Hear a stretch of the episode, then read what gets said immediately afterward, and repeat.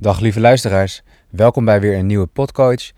Vandaag is het alweer de twaalfde editie van mijn Podcoach en ik moet zeggen, het gaat steeds beter. Ik zit relaxer in de gesprekken, ik heb echt leuke tafelgasten en uh, de gesprekken gaan vloeiend. Uh, ik leer er enorm veel van en ik hoop uh, dat jullie er ook heel veel van leren. Ik krijg al heel veel positieve reacties, dus het stimuleert me alleen maar om door te gaan.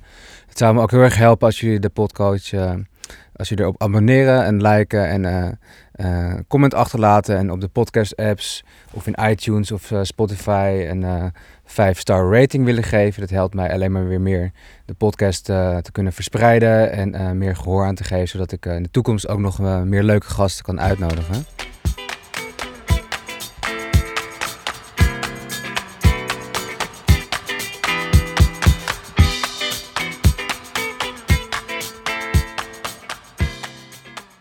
Vandaag in de podcoach heb ik uh, Sergio van der Pluim uh, van uh, bureau Bewezen Effect. te vinden op bewezeneffect.nl. Schrijver van veel boeken zoals bijvoorbeeld de ACT-methode, oplossingsgericht coachen en motiverende gespreksvoering. Ook is hij nu bezig met een nieuw boek over provocerende gespreksvoering. Dus ja, natuurlijk een logische gast voor in de podcoach. Um, ik heb zijn boeken gelezen Um, erg leuk en toepasbaar. Het leest enorm lekker weg met uh, praktische tips. Dus uh, je kan het meteen als coach um, in de praktijk brengen. Um, ja, dus ik was heel erg positief over. En ik was wel eens benieuwd naar zijn ervaring als trainer, coach. En uh, hij heeft ook in veel reclasseringswerk gewerkt. Dus ik was echt reuze benieuwd naar zijn achtergrond. Wie is Sergio? En wat kan hij aan onze luisteraars meegeven voor leuke kennis, inzichten en verhalen. Dus veel luisterplezier. Um, kijk ook even op mijn website www.demuncoaching. Hier kan je ook gratis een loopbaan-APK-check doen om te kijken waar sta ik nu en waar zou ik naartoe willen. Wat belemmert mij daartoe en uh, ja, hoe kan ik mijn doelen uh, gaan verwezenlijken. Om even een kleine test daarin te doen. Het is altijd leuk om dat gratis te mogen doen op demuncoaching.com. Veel luisterplezier en tot de volgende keer weer. Welkom uh, Sergio bij de, bij de Podcoach. Leuk dat je helemaal uit Rotterdam bent afgerezen om hier aan tafel te verschijnen. Ja, nee, dankjewel. Leuk. leuk om hier te gast te zijn. Ja, en uh, jij hebt mij uh, je boek opgestuurd over uh, oplossingsgericht coachen. Dus een leuke ingang hoe ik jou heb leren kennen. Ja. Toen dacht ik van nou, het is wel leuk om jou in het komende uur de kleren van het lijf te vragen over jouw werk als coach. En de boeken die je schrijft en alle dingen die je doet. Ja. Daar ben ik reuze benieuwd naar. Nou ja, verras me. Ja, leuk. Uh, aller, allereerst zag ik uh, van de week uh, bij de Wereldrijd door um, Adriaan van Dis met de schrijver van Homo sapiens. Ik weet niet of je dat toevallig hebt gezien. Ik heb het niet gezien, ik ken hem wel. Ja, ik ben even zijn naam kwijt. Noah Harari, geloof ik. Ja, zo uit Israël komt hij. Ja, ja. Maar hij heeft ook een nieuw boek. Uh, Het gaat meer over artificial intelligence. En dat, uh, dat, dat we aan een voorstadium zijn dat mensen zich weer in een nieuw ras gaan ont, ontvouwen. Dus omdat uh, met, dat mensen zich meer genetisch kunnen aanpassen en dat het meer verweeft met artificial intelligence. Is het Homo Deus? Nee, dat is het tweede deel. En okay. dat heet dan weer um, 21 problemen voor de 21ste eeuw, zoiets. Oh, oké. Okay. Oh, die. Ja. En toen dacht ik meteen, ja, wat betekent dat eigenlijk voor coaches als, als mensen steeds meer perfecte wezens worden en meer gerobotiseerd en geautomatiseerd. Wat zou, toen vroeg ik me steeds af van ja, wat is dan de toekomst voor uh, mensen die iets in het geesteswerk doen? Ja, maar een leuke vraag. Nou ja, een idee over. Ik weet niet of wij dat nog gaan meemaken. Nee, waarschijnlijk niet. Maar uh, het is wel een leuke, denkbeeldige vraag ja, als er al zoiets zou bestaan uh, als een perfecte mens met, weet je wel, met implantaten of, of hoe dat dan ook geregeld wordt. Of ja. uh, met inderdaad integratie tussen uh, computer en mens. Ja, je zou kunnen zeggen, dan zijn er geen coaches meer nodig. Ja, misschien wel niet. Tegelijkertijd kan ik me bijna niet voorstellen dat zo'n half robot, half mens dan gelukkig is of zo. Nee, want anderzijds, als alles geregeld is in de maatschappij en in de wereld, uh, dan krijg je toch van die existentiële vragen van, over zingeving. Ja, wat, wat doe ik hier dan nog? En uh, als het werk niet meer nodig is, uh, ja. hoe krijg ik dan toch nog een gevoel van geluk of zo? Ja. Dat is misschien best wel dubbel. Hè? Ja. Het is niet iets waar ik veel over nadenk, omdat er zijn al genoeg nou ja, hele actuele en, en weet je, prangende problemen. ja. dus daar denk ik meer over na.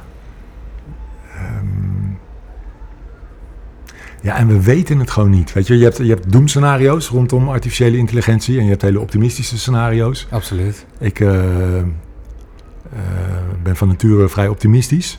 Mm -hmm. dus ik heb ook wel een beetje zoiets van... ehm, ja, wie dan leeft, die dan zorgt ook wel. Ja, ja, ja. Voor- tot nu toe zie ik geen reden tot zorg. En Nee, dan heb ik zoiets van, is coaching een van de mooiste beroepen die er bestaan? Ja, helemaal mee eens. En ik geniet enorm van, ja precies, zolang we dat kunnen uitoefenen. En ik, ik kan me wel voorstellen dat, dat ook coaching naar eh, meer... ehm, eh, je, je hebt natuurlijk al e-health en, en coaching Ja. via, via, via, via een beeldscherm, dat zie je natuurlijk al veel. Ja, de e-coaching. Eh, ja. e-coaching. Ik kan me ook best voorstellen dat je een soort van robot zou kunnen maken die de goede vragen stelt. Ja. Ja, ja, ja. Ik denk dat dat wel te doen is.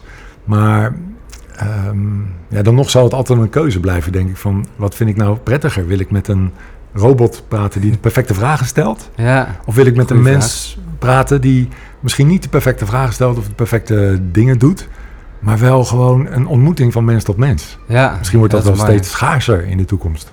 Ja, echt menselijk contact. Dat is Ja. wat eh, robots dan echt gaan missen natuurlijk. En waar wij als mens toch wel echt behoefte aan hebben. Ja, Ja, dat zie je nu al een beetje ontstaan eigenlijk. Hè? Ik bedoel, als je kijkt hoeveel, mensen, hoeveel tijd mensen doorbrengen voor een beeldscherm.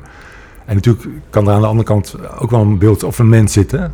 Maar dat is anders. ja, wie praat er nou nog dagelijks met zijn buurman? Weet je wel, dat, dat wordt steeds Ja, dat is waar. zeldzamer. Dat is best ook, raar. Ook al ben je een week lang elke dag op social media in contact en heb je leuke likes en, eh, en, en, en, eh, gesprekken en comments, dan voelt het volgens mij toch anders dan als je één waardevol gesprek hebt van mens tot mens. Absoluut. En een robot zal nooit die sensitiviteit hebben om een bepaalde inlevingsvermogen te kunnen hebben. Of, of, eh, Ja, ik heb me laten vertellen dat dat, dat dat dus nogal schijnt mee te vallen. Het schijnt dat nu al eh, computerprogramma's bestaan of robots die emoties kunnen aflezen beter dan een mens. oh ja? Gewoon door, eh, weet je wel, door een, een, een gezicht te lezen. Ja ik, ik, ja, ik kan het me bijna niet voorstellen, maar het is me verteld door mensen die er verstand van hebben. Ja, ja, ja. Maar ja, dan nog, ja, dan nog heb ik liever iemand, een levend mens die er misschien net naast zit. Maar weet je wel, tegen wie ik dan wel kan zeggen, nee, ik ben niet geïrriteerd. Ik ben gewoon vet pissig nu. Snap je? Ja, ik ben niet boos, ik ben teleurgesteld. ja, Ja, precies, precies. leuk. Ja. Ehm, je, je zei eerst van, nou, ik ben eigenlijk bezig met hele andere vraagstukken die zich hier nu al spelen. Mhm. Heb je daar een eh, voorbeeld bij, wat je dan bedoelt? Ja, ik, ik, weet je, de problemen die ons allen, eh, eh, denk ik, zouden moeten bezighouden. Nou ja, ik, ik ben wel eh, geraakt door de, de brief aan alle Nederlanders van Rutger Bregman. Mhm. Eh, heb je het toevallig meegekregen? Ik ben wel laatst eens een show geweest in in Schouwburg hier in Haarlem. Dat was leuk. echt tof. Ja, ja. Die brief eh, weet ik even niks van. Nee, nou, ik, ik ben toevallig ook laatst naar zijn show geweest. Ja, ik ben echt fan van die man. Ook Ja, is zijn leuk. boek, eh, De meeste mensen deugen, Ja. vind ik echt een aanrader. Eh, dus sindsdien heb ik hem hoog zitten. En nu heeft hij onlangs, eh, hij blijft ons verrassen, heeft hij een brief geschreven waarin hij eigenlijk Nederland probeert wakker te schudden. Van realiseren jullie je dat de hele Randstad, Mhm. eigenlijk als je er eh, geografisch naar kijkt, en fysisch, eh, in een soort badkuip gebouwd is onder de zeespiegel, ja. die langzaam wegzakt. Ja, ja, ook nog eens. Ja, in ieder geval in Gouda. Ik woon vrij dicht bij Gouda. Daarvan weten we dat Gouda langzaam wegzakt. Eh, terwijl de zeespiegel stijgt. Ja, dat moeten we een halt toeroepen. Maar ja, dat zal nog wel even duren voordat dat daadwerkelijk gaat lukken. Ja, Eh, ik woon ongeveer 7 meter onder de zeespiegel. Jeetje. Ja, Dat klinkt wel... eh, ja Dramatisch. Snap, snap je dat me dat bezighoudt? En we, bedoel, we hebben een koophuis en dan ergens heb je achter in je hoofd zo van, ah, dat is een goede investering. En dat is dan, weet je wel, dat is een deel, voor een deel ons pensioen. Of misschien, weet je wel, als we dat Ja, huis verkopen, ja. dan gaat het naar onze kinderen.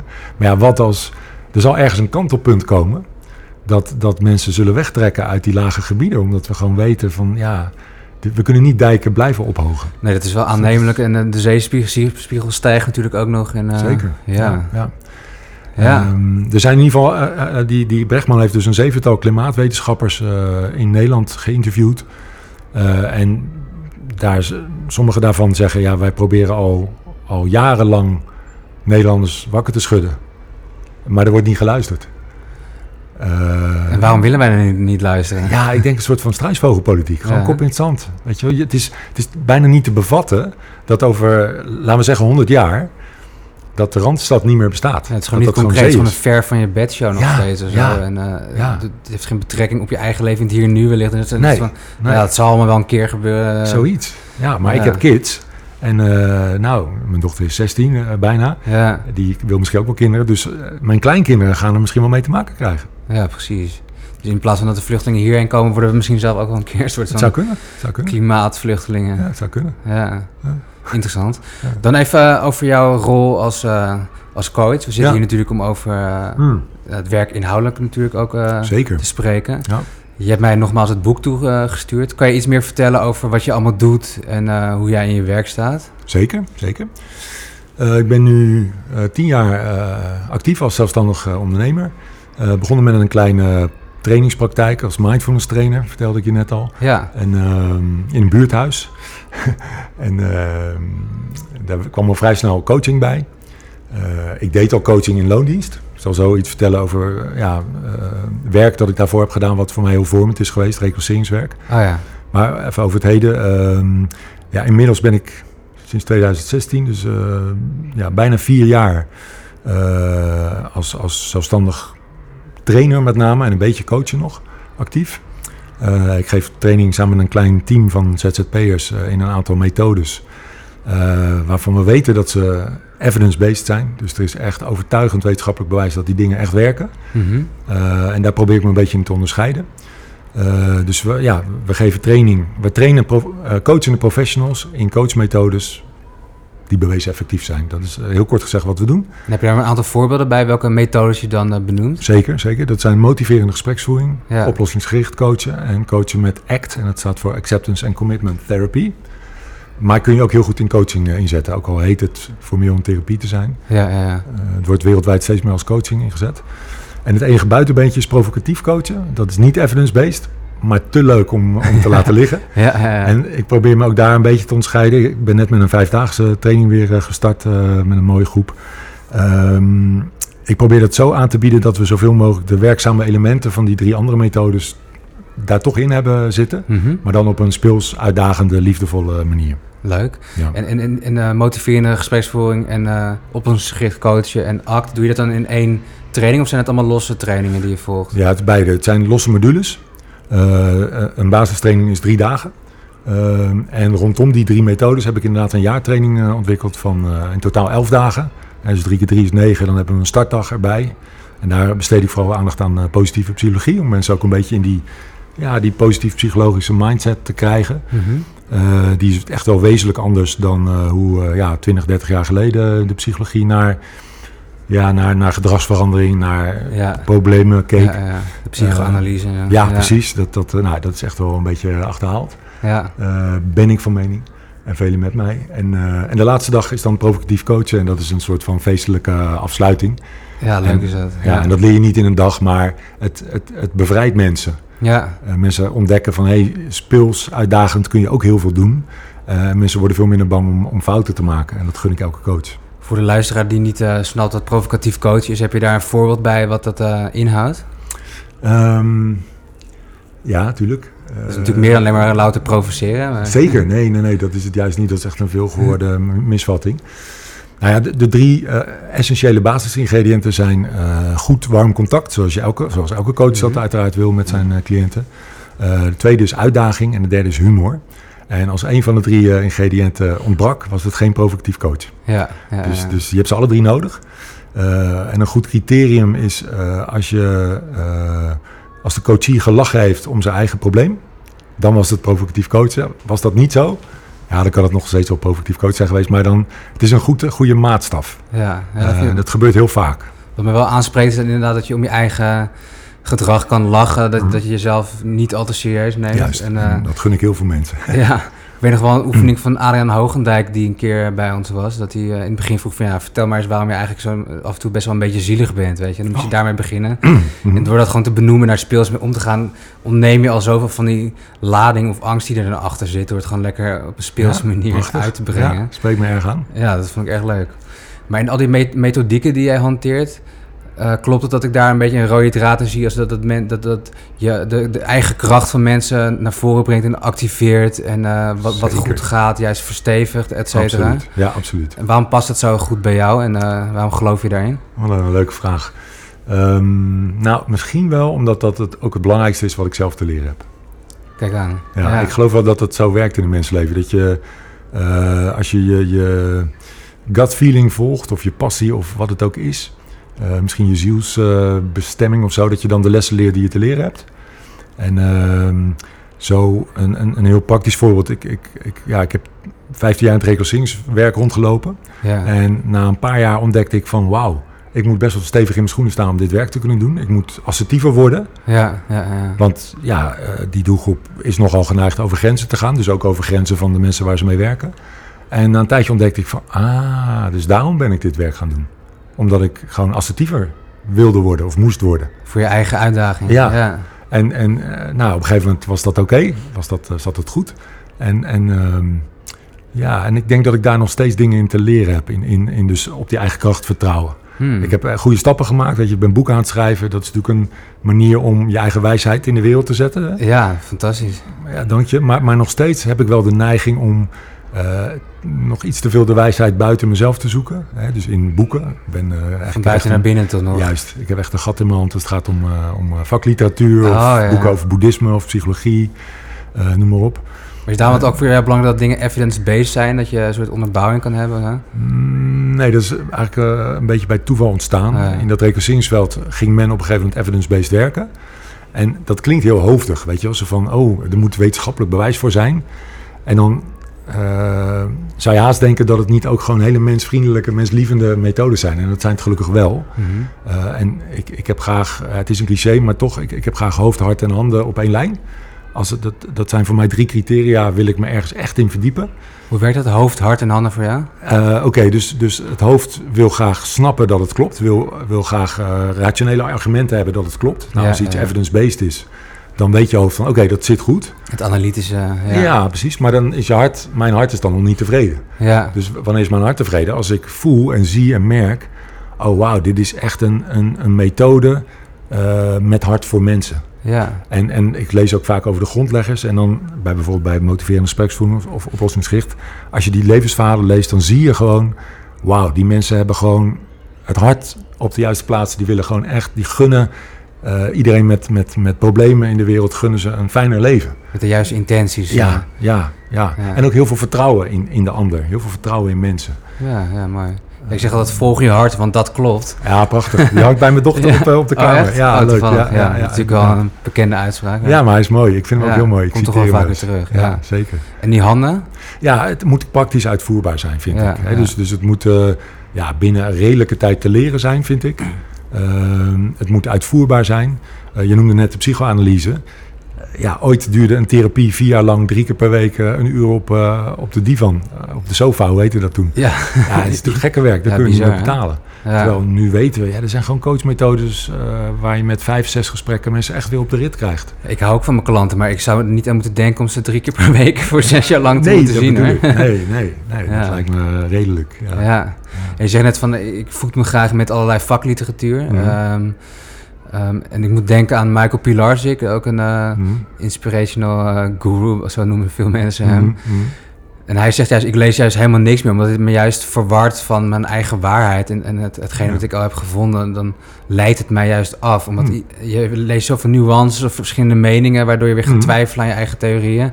Dus ene, aan de ene kant vind ik dat mooi, omdat je dan denkt van, ja, dit is gewoon mijn paradepaardje. Maar ik heb, ik heb ook zoiets van, je moet je rugzak blijven voeden met kennis en nieuwe ideeën om juist wat je al weet te verstevigen of juist weer nieuwe inzichten te krijgen of zo. Ja, ja ik ben het eens met jou. Ik vind ja. het wel een interessantere visie van die uh, juist omdat het zo anders is dan hoe ik erin sta. Ja, precies. Uh, ik geloof in de juiste maat.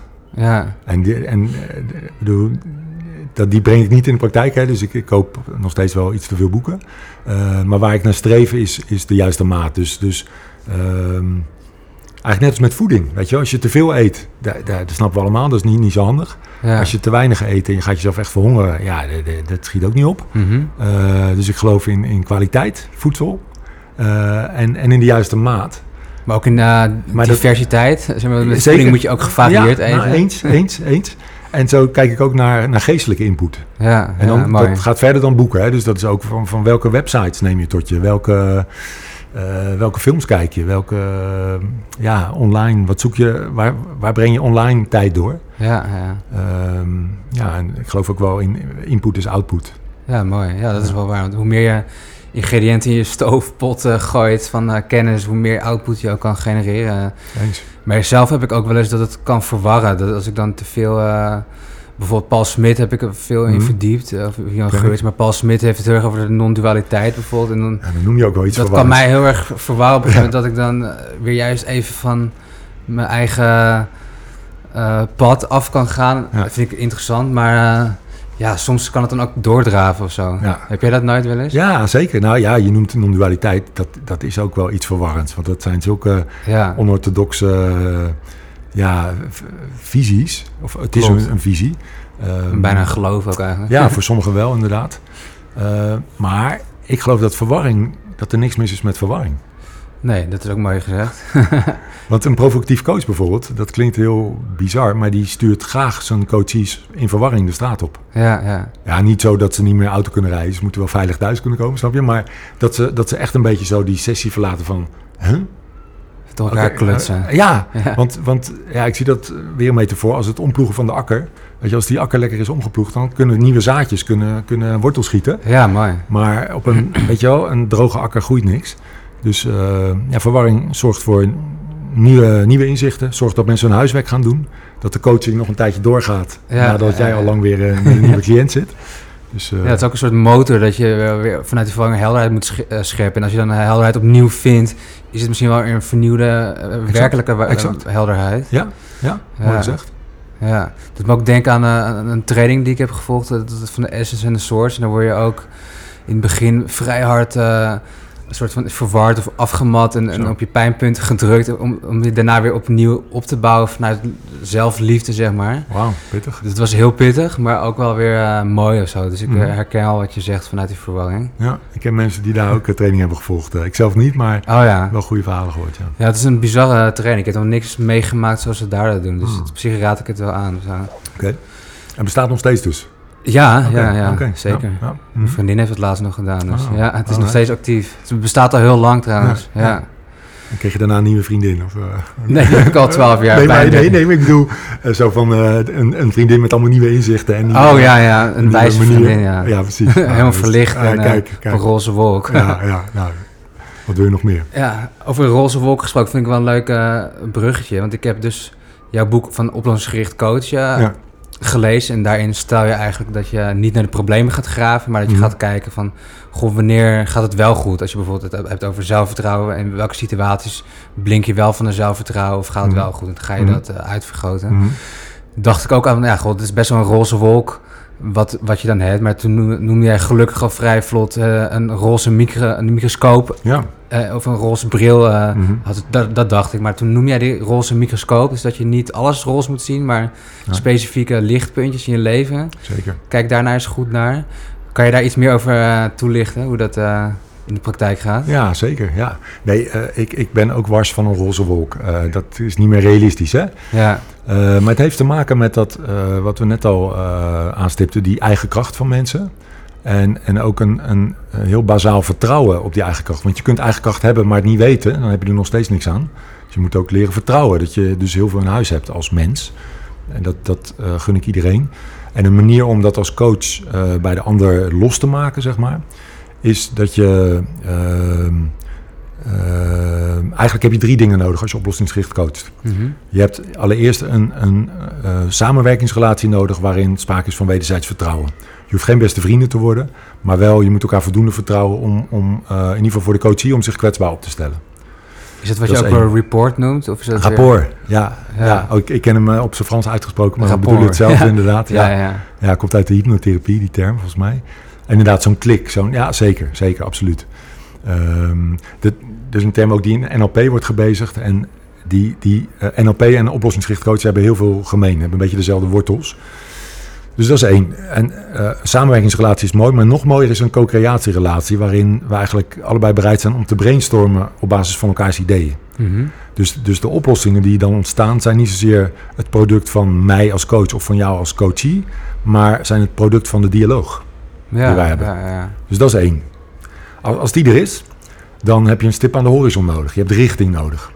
Ehm, en ehm, dat, dat kan je, die kun je op allerlei manieren bereiken. De wondervraag is een hele bekende. eh, korte versies van oké, stel ehm, eh, je ligt vannacht te slapen en terwijl je in diepe slaap bent gebeurt er een wonder.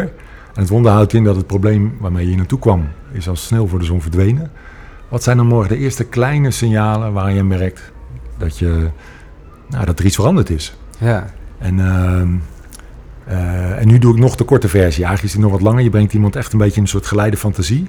En gek genoeg komen mensen als vanzelf op nieuwe ideeën. En ontstaat er een beeld van, van waar wil ik nou eigenlijk naartoe? Ja, ja, ja. En, en het is bijna alsof die, die, die gedroomde werkelijkheid daarmee een, een beetje tastbaarder wordt. En dan gebeuren allerlei interessante dingen. Want ja, je kent ongetwijfeld het, het, fenomeen. En de luisteraar ook, denk ik. Weet je, ik noem wat, je, je zoekt een bepaald type uh, auto of fiets. En die zie je dan opeens overal rijden. Weet je wel? Ja, als je net iets hebt gekocht of zo. en nog een groene fiets. Dan zie je ook een groene fiets. Exact. Ja, dat uh, kennen we. Ja, nou, dat gebeurt hiermee ook. Hè? Dus je hebt een heel helder beeld. perceptie. Zo. Ja, zeker. Ja. Dus zelfs een stukje in het brein, de ras die zich daarmee bezighoudt. Dus je hebt een heel helder beeld van waar, waar wil ik nou naartoe? Uh, dat beeld kan ver weg zijn of dichtbij, maar in ieder geval je hebt richting. Vanaf dat moment ga je eerder kleine signalen herkennen die, die al ja, een beetje de goede richting opwijzen. Mm en dat zijn kleine ja, sleutels richting verandering. Want die kleine signalen die kun je soms herhalen. Soms, uh, zeker als je zelf de vraag stelt, hey, ik noem maar wat, een gezin met heel veel ruzie, heel veel problemen. Uh, misschien wel huiselijk geweld, ruzies, gescheld, gevloek, armoede, schulden. Die, helaas bestaan heel veel gezinnen die dat hebben. Ja. Uh, als je aan zo'n gezin zou vragen van, hey, wat is nou de oorzaak van jullie probleem? Nou, wat gebeurt er dan? Dan gaan ze elkaar beschuldigen. Ja, met vingerwijzen. Jij doet dit, jij doet dat, jij zei de zus en zo. Exact. Dus dan feitelijk worden op dat moment de problemen groter. Want ze hadden al genoeg problemen, nu zijn ze elkaar ook nog aan het beschuldigen. Snap je wat ik bedoel? Ja, uh, maar stel nu dat je aan zo'n gezin vraagt om met elkaar even te brainstormen van... hey, natuurlijk, jullie hebben veel problemen en we willen jullie graag helpen. Maar wat wil je nou in de plaats van hoe het nu gaat? Droom daar eens over met elkaar. Dan worden ze het heel snel eens. Ja, ja, dus dan heb je alle neuzen heel snel dezelfde kant op. Als je op dat moment vraagt van, hé, maar wat zijn nou kleine lichtpuntjes? Wanneer is er al een beetje sprake van samenwerking of van rust of van gezelligheid of van naar elkaar luisteren of van uh, geduld hebben met elkaar? Het kan niet anders of die momenten zijn er al, alleen ze zijn zeldzaam en klein. En dat is dan die roze microscoop exact. ja. En dus nu komt de roze microscoop in beeld. Uh, nu we een stip aan de horizon hebben, kunnen we heel gedetailleerd gaan zoeken naar kleine micromomentjes dat de gewenste toekomst al aanwezig is. Ja. Of dat het probleem iets minder erg is. Hmm. Want een gezin met heel veel problemen, uh, die, uh, dat, dat fluctueert. Ze hebben goede en slechte dagen. En van de goede dagen kunnen ze leren. En kunnen ze leren om de goede dagen nog beter te maken. En om langzaam maar zeker in een, in een positieve spiraal te komen. Binnen je eigen kracht, ja. ja. Wat me daar heel erg in aanspreekt, zeker die wondervraag... dat je gaat visualiseren over hoe je zou willen dat het zou zijn... Mm Er zijn ook neurologische theorieën over wat ik van Dr. Joe Dispenza heb gezien. Ik ben wel fan van hem. Mhm. En hij zegt eigenlijk, als je een, een toekomstig uh, event of een situatie voor de geest haalt en daar met een, over een positieve manier over visualiseert, mhm. met een positieve emotie, die zorgt belangrijk dat je dan, hoe voel je dan? Blij, gelukkig, opgelucht. Waardoor je neurologisch al je receptoren ontvankelijk maakt voor zo'n situatie. Dus mhm. Je maakt al een nieuw programmaatje in je brein mhm. die ontvankelijk is voor geluk of voor mooie momenten, omdat je dat al hebt gevisualiseerd. En dat is dan ook te meten in je hersenscans, zegt hij. Um, andersom natuurlijk ook, want wij hypnotiseren onszelf vaak negatieve mhm. gedachten. Dus aan of in een, vast programmaatje. Dat noem ik ook wel shit FM, dat je altijd mhm. in problemen denkt. Term, ja. ja, maar als je dat dan ombuigt naar positieve. Dus ga maar eens visualiseren. Oké, hebt weer een nieuwe baan. Hoe ziet het er dan uit? Hoe voel je dan? Met wat voor mensen ben je dan? Uh, waar ben je dan? Prachtig. Dan uh, creëer je eigenlijk al je, je, toekomst daarmee, zegt hij eigenlijk. Ja, nou, dat sluit geweldig aan op, uh, op dit gedachtegoed. Ja, dus daarom sloeg ik ook wel op aan. Het spreekt me ook heel erg aan de methode. Ik ga die man eens opzoeken. Joe Dispenza? Ja, Joe Dispenza, ja. Okay. Um, hij heeft veel YouTube-filmpjes, dus daar, okay. als je hem daar intypt, zie je tientallen interviews met hem. Okay. Maar hij kan het supergoed uitleggen, terwijl het best complexe materie is. Um, ik weet niet of je overal gelijk in heeft, maar het is wel aannemelijk wat hij zegt, vind ik. En ik, ik kan me er wel in vinden. Interessant. Ja.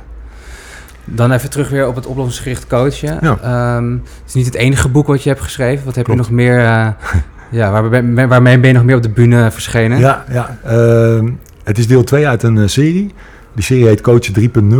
Um, omdat uh, ja, ik geef met een klein team dus training in een drietal methodes. En eerst wilde ik daar één boek over schrijven. En, maar gewoon aan begonnen. En toen ontdekte ik, oh, dat wordt een heel dik boek. dus toen samen met de uitle- uitgever uh, besproken dat, dat we beter drie losse delen kunnen maken. Die niet al te dik, weet je wel, max 200 pagina's, lekker leesbaar. en deel 1 gaat dus over motiverende gespreksvoering. Is in 2018 verschenen. Ook een prachtige methode die in het reclasseringsveld veel wordt ingezet. Daar ik Oh, hem ook tof. leren kennen. Daar kom je natuurlijk zelf ook vandaan. Zeker, Ja. ja. veel eh, hele rijke leerschool is dat geweest. 15 jaar eh in gewerkt en eh, nou, heel veel mooi werk mogen doen. Eh, die methode goed leren kennen. Dus eh, ja, en op zich waren daar al goede boeken over. Maar vaak vertaald uit het Engels. En dan, ja, dat leest niet altijd even lekker. Dikke pillen. Ik dacht, hé, hey, eh, laat ik eens kijken of ik een, een lekker leesbaar, eh, toegankelijk boek... waar toch de essentie in staat, Mhm. of ik dat kan schrijven. Nou, dat was, eh, dat was de insteek. Eh nou, inmiddels al eh, onlangs de derde druk eh, in gang gezet. Oh, wat goed. Dus eh, hij Ja. verkoopt best wel lekker. En eh, ik krijg goede reacties van mensen. Mensen zeggen van, hey, het leest lekker, ik heb het snel uit... en toch eh, het gevoel dat ik eh, nou, de basis eh, nu weet.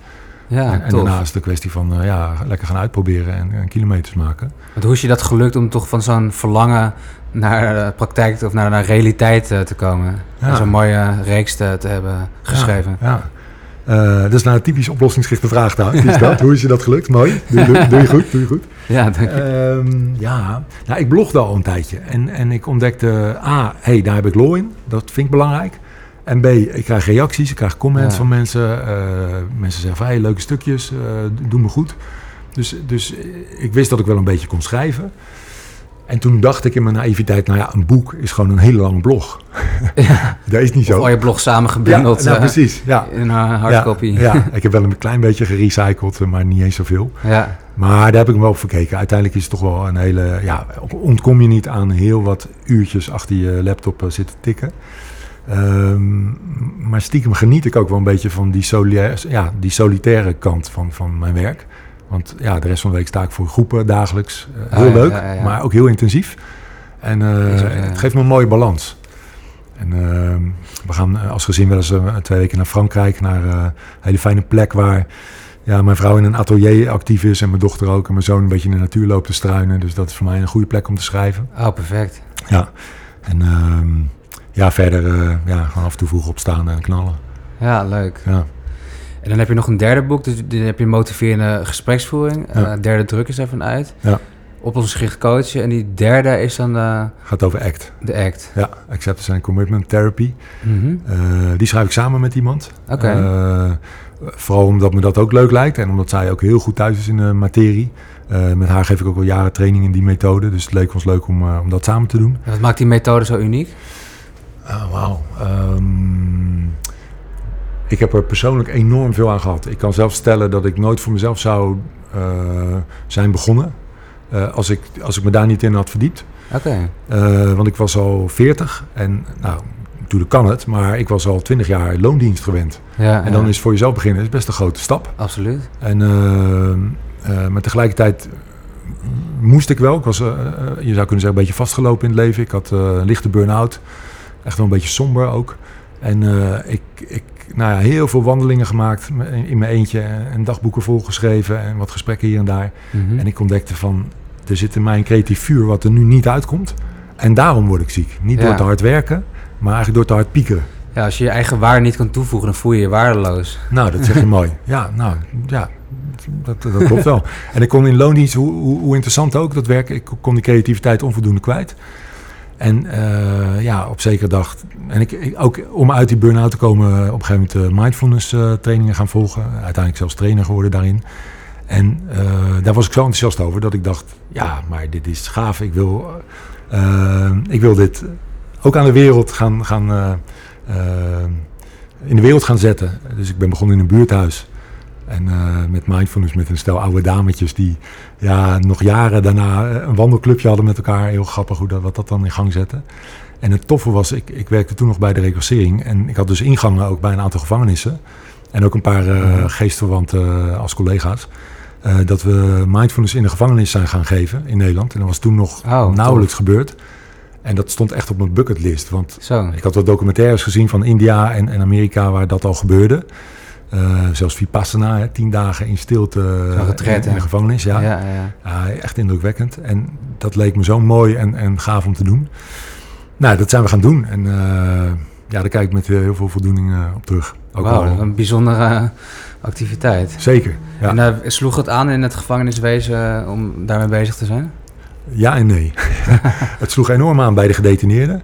En het sloeg totaal niet aan bij de, ja, de, de cipiers, zeg maar. Oh. Dus, uh, uh, dat is echt apart. Want kijk, een gevangenis is nou niet bepaald een, een retraiteoord, zou ik maar zeggen. Nee, nee, nee. nee dus, uh, dus wat er gebeurde was dat die gedetineerden, die, ja, natuurlijk moesten die ook wel even wennen, maar heel snel zeiden ze van, uh, jullie kunnen we tenminste vertrouwen en bij jullie komen we tenminste tot rust. En uh, wauw, en we mogen hier gewoon zijn wie we zijn. En nou, dat klopt ook, want ja, dat, daar gaat mindfulness over. Ja, ja, ja, ja. ja, dat je um, ja, allereerst maar stopt met, met jezelf te veroordelen. En, en als trainer begin je dat dus te, met stoppen met die anderen te veroordelen. Ze zijn al veroordeeld door de rechter, dus dat hoeven wij niet meer te doen, weet je wel, snap je? Dus, dat is uh, wel geweest. Ja, dus, dus dat, dat heel snel hadden zij zoiets van, nee, dit is, dit is fijn. Oefenen vonden ze heel lastig en dat hoort er wel een beetje bij. Maar dan zeiden ze, ja, op de afdeling is altijd herrie, er wordt geschreeuwd, er is altijd muziek, daar kan ik niet mediteren. Nee. Tot ze op de isoleercel kwamen door een akkefietje. En dan hadden ze opeens zoiets van, hoe ga ik in godsnaam drie dagen op de ISO uh, overleven? Oh ja, mindfulness. En daar gingen ze dan alsnog ja, Ah. die oefeningen doen. Tof. Dus dat was bijzonder. Uh, maar ondertussen liepen ze dus met hun yogamatje over de afdeling. En dan zeiden die cipiers in uh, plat Amsterdamse... Hey, ga je weer naar die zweefteven groepie? Ja, Weet je wel? ja, ja, ja. Dat was jammer, maar ja, goed. Dat is dan toch weer afbreuk aan, het, aan de belevenis. ja een beetje wel, maar goed. Ja, die, die, die cipiers die, die, die hebben misschien ook daar ja, vooroordelen over. Of die weten ook niet goed wat dat is. Dus dat snap ik Hmm. ook wel weer. Maar Maar ik ben wel echt benieuwd, want die, die mensen veroordeel je dan niet. Want geloof je dan ook altijd in het goede van de mens, on- ondanks hun daden, dat, dat, waartoe ze zijn gekomen door ellende of omstandigheden misschien? Geloof je dan, net als Rutger Bregman, dat, dat de mensen in wezen allemaal goed zijn van nature? Uh, niet als absolute waarheid. Hè? Dus je zal mij niet zeggen, uh, elk men, mens is goed. Maar uh, ik geloof er enorm in als pragmatische insteek. Dus als ik iemand tegenkom die ik nog niet ken, of het nou een klant is of een gedetineerde of een, iemand, een vreemde, dan ga ik ervan uit dat die mens, net als ik, graag gelukkig wil zijn en een fijn leven wil hebben. Ja. En, en um, geliefd wil zijn, gezond wil zijn, die dingen. En uh, ik, heb, ik had geen enkele reden om dat in een gevangenis niet te doen. En nou, ik heb er 15 jaar gewerkt en ik denk dat de, de, de, de keren dat ik, dat ik daarvan, daarvan terug moest komen, kan ik op één hand tellen. Dat is hoopgevend. Ja, toch? Ja. En natuurlijk hebben ze hele slechte dingen gedaan. Vaak. Uh, maar als je dan mensen beter leert kennen, ontdek je allereerst, oh, het zijn ook gewoon mensen die een fout hebben gemaakt en soms een hele grote fout. Uh, en als je dan nog verder doorvraagt en, en uh, uh, op zoek gaat naar de, de, de werkelijke intentie, het verlangen, ja, dan kom je uit bij hele menselijke verlangen, zoals erbij horen. Of ja, een beetje indruk willen maken op vrienden of op een meisje. Ja, de erkenning. En met, ja. met misschien dure spullen die je niet kan betalen. En dat dan gaan stelen of inbraken plegen. Maar uiteindelijk gewoon erbij willen horen. Ja, ja, uh, indruk ja. maken op je vrienden. Omdat je misschien onzeker bent. Omdat je anders er niet bij hoort zonder die Nike's of zonder die mooie schoenen. Of dat je die, dat mooie meisje niet uh, uh, kunt versieren of voor je interesseren. Um, heel, bijna altijd kom ik wel bij dat soort dingen uit. Ja, die, die, die onderliggende intenties. Ja. ja.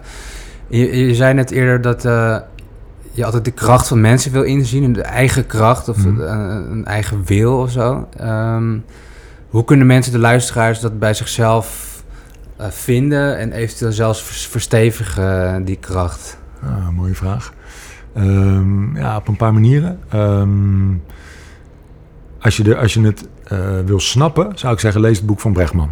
Dan ga je echt uh, daar hele mooie voorbeelden van zien. In ieder geval in de wereld om je heen. Mhm. En ik denk dat dat ook al veel verschil maakt. Ja. Als je het bij jezelf wil ontdekken, dan kan dat uh, natuurlijk met een goede coach. En ik zou zeggen, zoek dan een coach die niet zozeer gaat graven in je verleden. Want ja, weet je, het ironische is, er is altijd shit te vinden. In ieder mensenleven, als je gaat graven in het verleden, zeker als je hè, met een probleemgerichte bril kijkt, waar ik dus niet zo'n voorstander van ben, je gaat gewoon shit vinden. Ja, ja, ja. En als iemand al problemen had en hij raakt, gaat in gesprek met een coach en ze gaan samen op zoek naar shit. En dan worden de problemen groter, zou je kunnen zeggen. Hè? Uh, dus ik geloof veel meer in, in uh,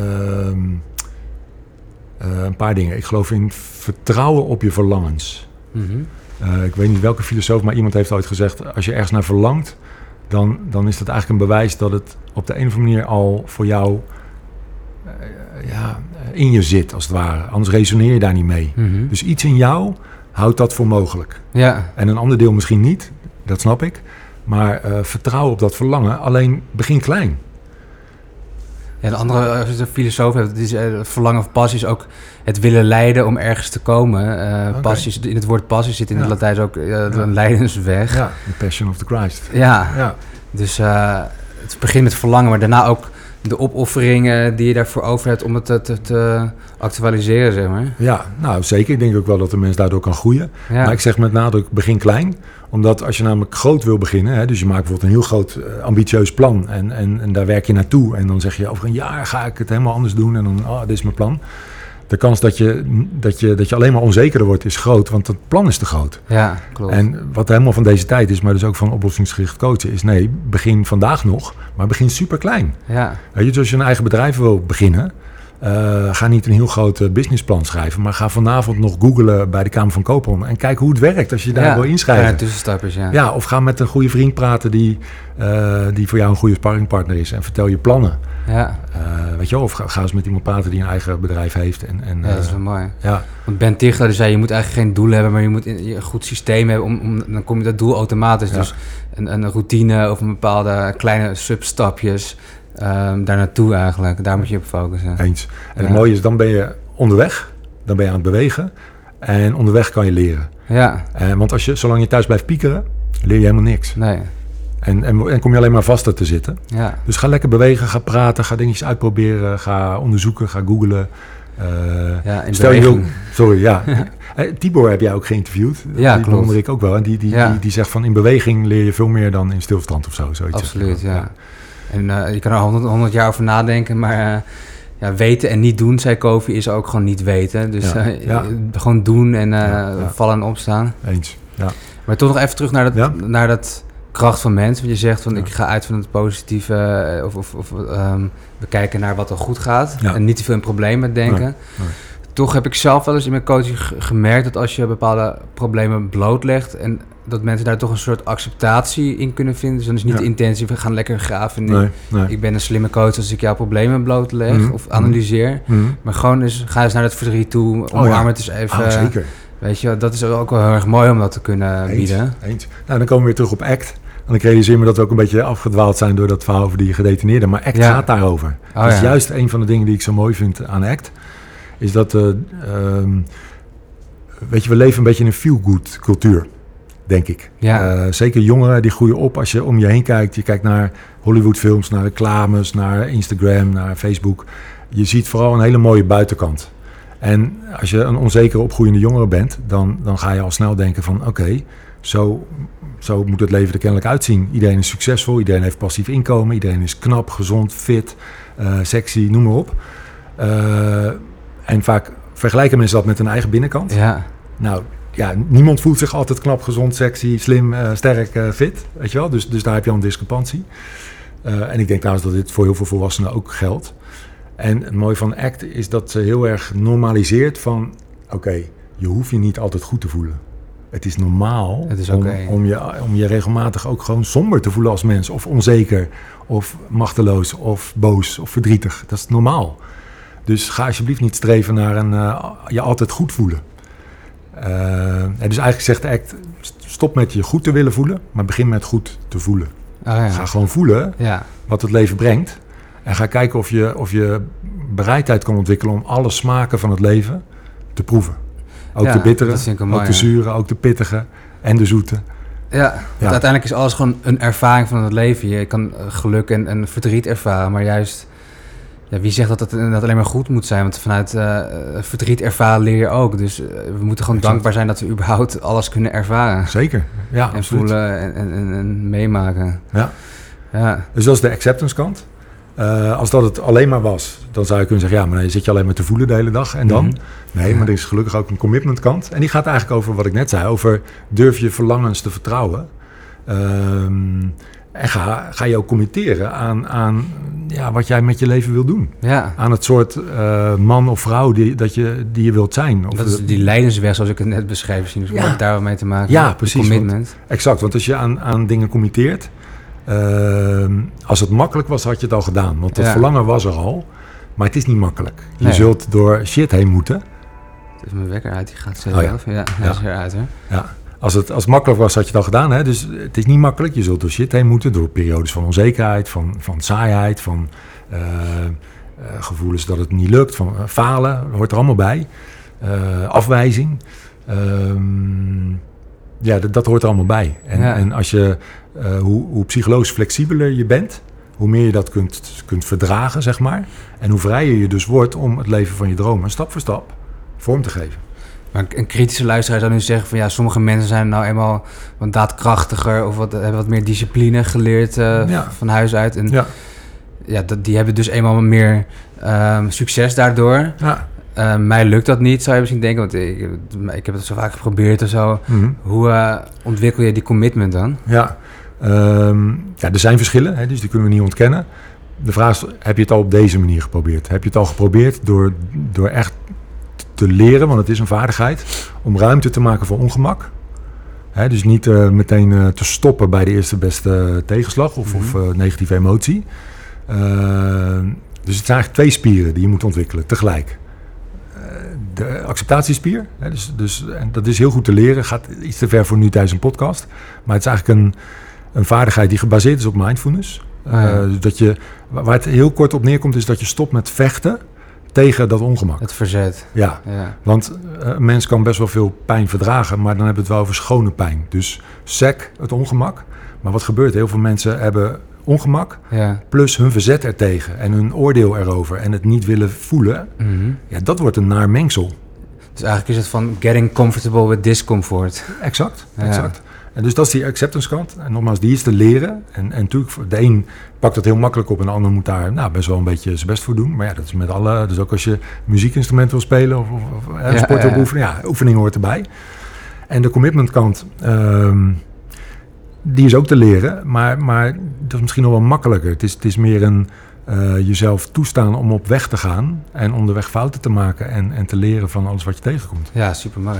En die T eh, van ACT, die, die, dat is dan de fase 3. Ja, die, dus die staat voor therapy. Ja. Hè, dus acceptance en commitment therapy. Oh ja, Eh, maar het wordt, wordt ook wel eens vertaald als eh, acceptance en commitment training. Omdat uiteindelijk, ook al heet het een therapie te zijn, is het meer een vaardigheidstraining. Dus we leren eigenlijk mensen eh, nieuwe life skills die, die we heel lang vergeten zijn. Die in het, eh, in het oosten veel normaler zijn. In ieder geval hè, het, boeddhisme, eh taoïsme, dat soort eh, stromingen. Die we in het westen misschien ook ooit wel wisten, maar een beetje vergeten zijn. Heb je daar een voorbeeld bij? Nou ja, boeddhisme is, is ja, het feit dat mensen. ehm neem even zen-boeddhisme. Als iemand moedwillig elke dag eh, 20, 30, 40, 50 minuten op een kussen gaat zitten, in stilte, stilzitten. Ja, ik doe dat, Ja. maar dat is fucking zwaar. Ja. Dat is saai, dat is niet fijn, dat is niet altijd leuk. Dat is ongemakkelijk. Dat is ongemakkelijk. ja. Dus dan train je al die spier, ja, ja. snap je? Want ja, je gaat van alles tegenkomen op dat kussen. Eh, en, en mindfulness is daar weer van afgeleid. En, ehm, eh, maar dan met, een wat, ja, met wat, wat moderne psychologie erbij. Maar uiteindelijk zijn die bronnen terug te leiden tot het boeddhisme. Dus 2500 jaar oud. Eh, ja, dan, dan, dan wordt een mens flexibeler. Hij gaat meer pijn kunnen verdragen. Maar dan gaat het eigenlijk over ehm, het, het, het persoonlijk leiderschap en het weerbaar zijn tegen je eigen eh, prikkels of ehm, driften of ongemakken, et cetera, om daar een soort beheersing in te krijgen. Of zo. Ja, maar het is niet eens zozeer beheersing. Eh, het is meer ruimte. Ja. Dus het is meer, eh, want uiteindelijk hebben we het over negatieve gedachten en ongemakkelijke emoties. Meer, meer is er niet Ja. als het gaat om de innerlijke ervaring. ja, ja, ja. En eh, voor beide zijn er manieren om daarmee om te leren gaan. Eh, heel kort, bij gedachten kun je leren om je anders te verhouden tot je gedachten. Ze niet meer als de waarheid te zien. Ze te zien als een soort ruis waar af en toe iets interessants langskomt, maar heel veel ook niet. Mhm. Want Ja. ja. ja, twee derde van onze 40.000 gedachten per dag zijn gewoon niet helpend. Zijn, weet je wel, zijn negatief van, van Willekeurige toon. gedachten eigenlijk. Nou, waar ze maar willekeurig. Het zijn eigenlijk survival gedachten. Weet je wel, die we evolutionair nou eenmaal... Ja, ons brein is, is toch een soort van overlevingsapparaat waar die heel goed in is. Maar zorgt ook dat, we, dat, dat een gemiddeld mens gewoon heel veel negatieve gedachten heeft. Die hem eigenlijk proberen te beschermen tegen gevaar en tegen uitsluiting en buitensluiting. ja, vroeger was het heel nuttig natuurlijk. Als je een tijd zeker, kwam, dan, exact. dan was je alvast voorbereid. Zeker, dat Ja. hele idee. Eh, maar het zit nog steeds in ons. En helaas heeft het brein geen, eh, geen delete-knop. Ook al zeggen sommige duurbetaalde coaches van wel. Ik ben van mening dat we kunnen geen gedachten uit ons hoofd halen. Negatieve nee, nee, gedachten. nee. We kunnen er wel niet niet. instoppen. Maar je kan wel kiezen welke gedachte je voor waar aanneemt. Zeker. naar voren en aandacht geeft. Absoluut. Ja, En eens. andere laat je gewoon eh, voorbij Ja. vliegen, zeg Ja, maar. Maar dus ze je- mogen er ook zijn. Maar... Zeker, zeker. Dus je relatie ermee verandert. Je krijgt iets meer afstand. Eh, het krijgt iets meer ruimte om te komen en te gaan, zeg maar. Wat Ja. gedachten nou eenmaal ook doen.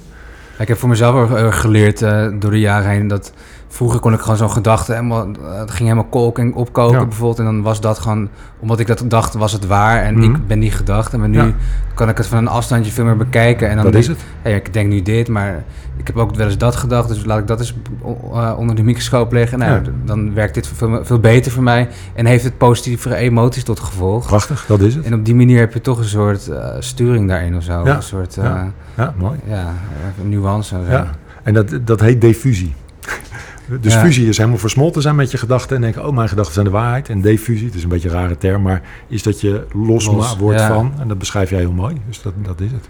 Ja, het is wel een, eh, wat je met meditatie, ik heb ook zo'n meditatie-app, weet je, dan leer je heel erg om gewoon beschouwend naar jezelf reflectief te kunnen kijken. En daardoor word ik in ieder geval vaak heel rustig Ja. of eh, Ja. relaxed. ja. En, en velen met jou. ja Die zeker. apps zijn niet voor niks zo eh, populair.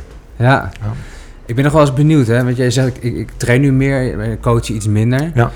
Eh, maar wie is jouw ideale klant in, in wezen? Ehm, ja, dat, dat is een professional die eh, met mensen werkt, in ieder geval. Die open staat voor, eh, ehm, voor nieuwe kennis. Die eh, graag wil groeien. Die eh, eh, bereid is om eh, eh, te experimenteren met nieuwe vaardigheden.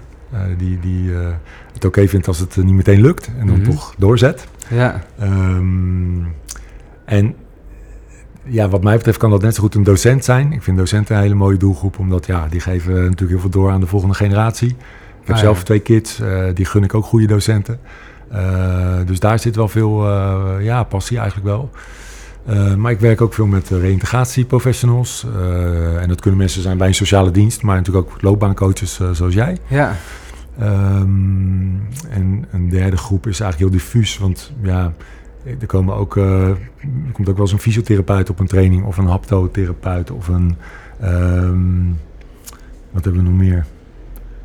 Ja, van alles eigenlijk. Zolang jij eh, zeg maar op HBO-niveau met mensen werkt en, en eh, mensen wilt helpen om motivatie in zichzelf te ontdekken, zelfvertrouwen in zichzelf te ontdekken. Ja, stap voor stap eh, eh, stappen te zetten richting een, een, een eh, gewenste, gedroomde toekomst. Ja, en, en dat op een evidence-based manier wilt leren, ja, die zijn van harte welkom. Mooi, klinkt goed. En waar kunnen mensen jouw diensten vinden en je boeken? Ehm, mijn website eh, heet www.bewezeneffect.nl en daar staat eigenlijk alles op. Ja, tof. Ja. Zijn er nog thema's of, of, of, of, eh, vragen waarvan je zegt, die wil ik zelf nog inbrengen? Of zijn we nog iets vergeten uit te diepen eh, in het afgelopen uur? Ehm, nee, ik, ik, ik heb niet iets wat ik nog graag had willen vertellen. Ik, ik, ben ook wel nieuwsgierig naar jou. Mag ik jou nog wat vragen? Zeker. Oké. Dat Wat, mag wat, altijd. wat, vond jij, wat vond jij het meest eh, interessant in dit gesprek? Of waar ga jij op aan? Ik ga vooral aan die dingen zoals die wondervraag. Ik al Mhm. zei dat, dat mensen in mogelijkheden denken. Omdat ik er ook in geloof. ehm, waar een wil is, is een weg. Ehm, ik heb zelf ook heel veel op echt pure wilskracht moeten doen eh, Ja. in, in mijn leven. Om bepaalde dingen, momenten moet, te moeten doorzetten. Dus er zit altijd wel een soort levenslust of kracht. Ik denk in ieder mens. Zeker. Maar vaak sneeuwt die onder door angst of door Ja. angst voor afwijzing of twijfel. Mhm. Maar ook als ik mezelf mediteer, we hebben het net over meditatie, dan voel ik altijd weer zo'n soort borrelend iets. Ik weet niet of het mijn ego is of, of een levenslust, maar er is altijd iets wat wil creëren of naar buiten wil treden. Of een soort. En ik denk dat het mooiste is als je dat bij mensen kan activeren, dat ze weer dat stukje eh, vertrouwen. Ze hebben het wel, maar ze hebben het niet meer geleerd om het te vertrouwen, denk ik. Omdat het best is mislukt of ja, ze worden wel eens afgekeurd of eh, uitgelachen, weet ik veel.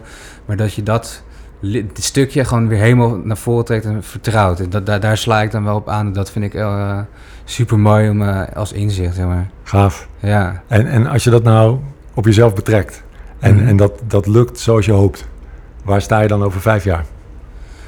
Als ik mijn mijn eigen kracht helemaal uit, eh, uitwerk, Ja, Ehm, ik zie mezelf over vijf jaar als wel mijn eigen tokentje runnen. Uh-huh. Dus met die podcast en mijn coaching, dus mijn, mijn loopbaancoaching, maar ook levensloopcoaching, wat ik dan doe. Gaaf. Zodat ik eh, klanten echt goed in hun eh, kracht kan zetten, zoals we het daarover hebben. Dus ik Mhm. help mensen eigenlijk hun eigen geluid ontdekken in een wereld vol ruis, zoals ik het altijd zeg. Omdat Mooi. we altijd verleiding, verwarring, afleiding hebben in, on- in ons leven. Mhm. Ehm, dus zodat je dat niet meer altijd hoort bij jezelf. En dan, dan zeg ik altijd, ik help mensen hun eigen geluid ontdekken.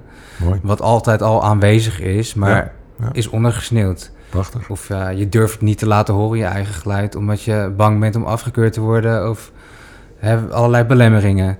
En als mensen weer daar een stap in maken met kleine stappen, dan ben ik al blij. En over vijf jaar hoop ik dat ik eh, honderden leuke klanten mag begeleiden zoals ik nu al doe. En dat nog Mhm. steeds doe, maar dan misschien wel op mijn eigen manier, met mijn eigen methodes die ik dan ontwikkel. En misschien ook wel eens een mooi boek. Ik zie hier dat jij twee mooie boeken op tafel hebt liggen. Ja, Dat vind ik ook wel eens tof om iets van een product naar buiten te brengen. Dat doe ik al met podcast, misschien een Ja. soort online loopbaanopleiding. Uh-huh. Of ik vind het ook wel leuk om iets te creëren, omdat ik ook wel ondernemend ben. Er zit altijd wel een soort creatiedrang drang. in mij. Dus eh, ja, en een leven lang leren, zeg ik maar. Mooi man. Ja, Ja, nou, ik wens je daar veel eh, succes bij. En, eh, erg hartstikke bedankt. Ja, Sergio, jij heel erg bedankt voor eh het mooie gesprek. Het uur is eh, goed vol. Ehm, graag gedaan. tot ziens. En eh luisteraars, jullie bedankt voor het luisteren. En graag tot een volgende podcast.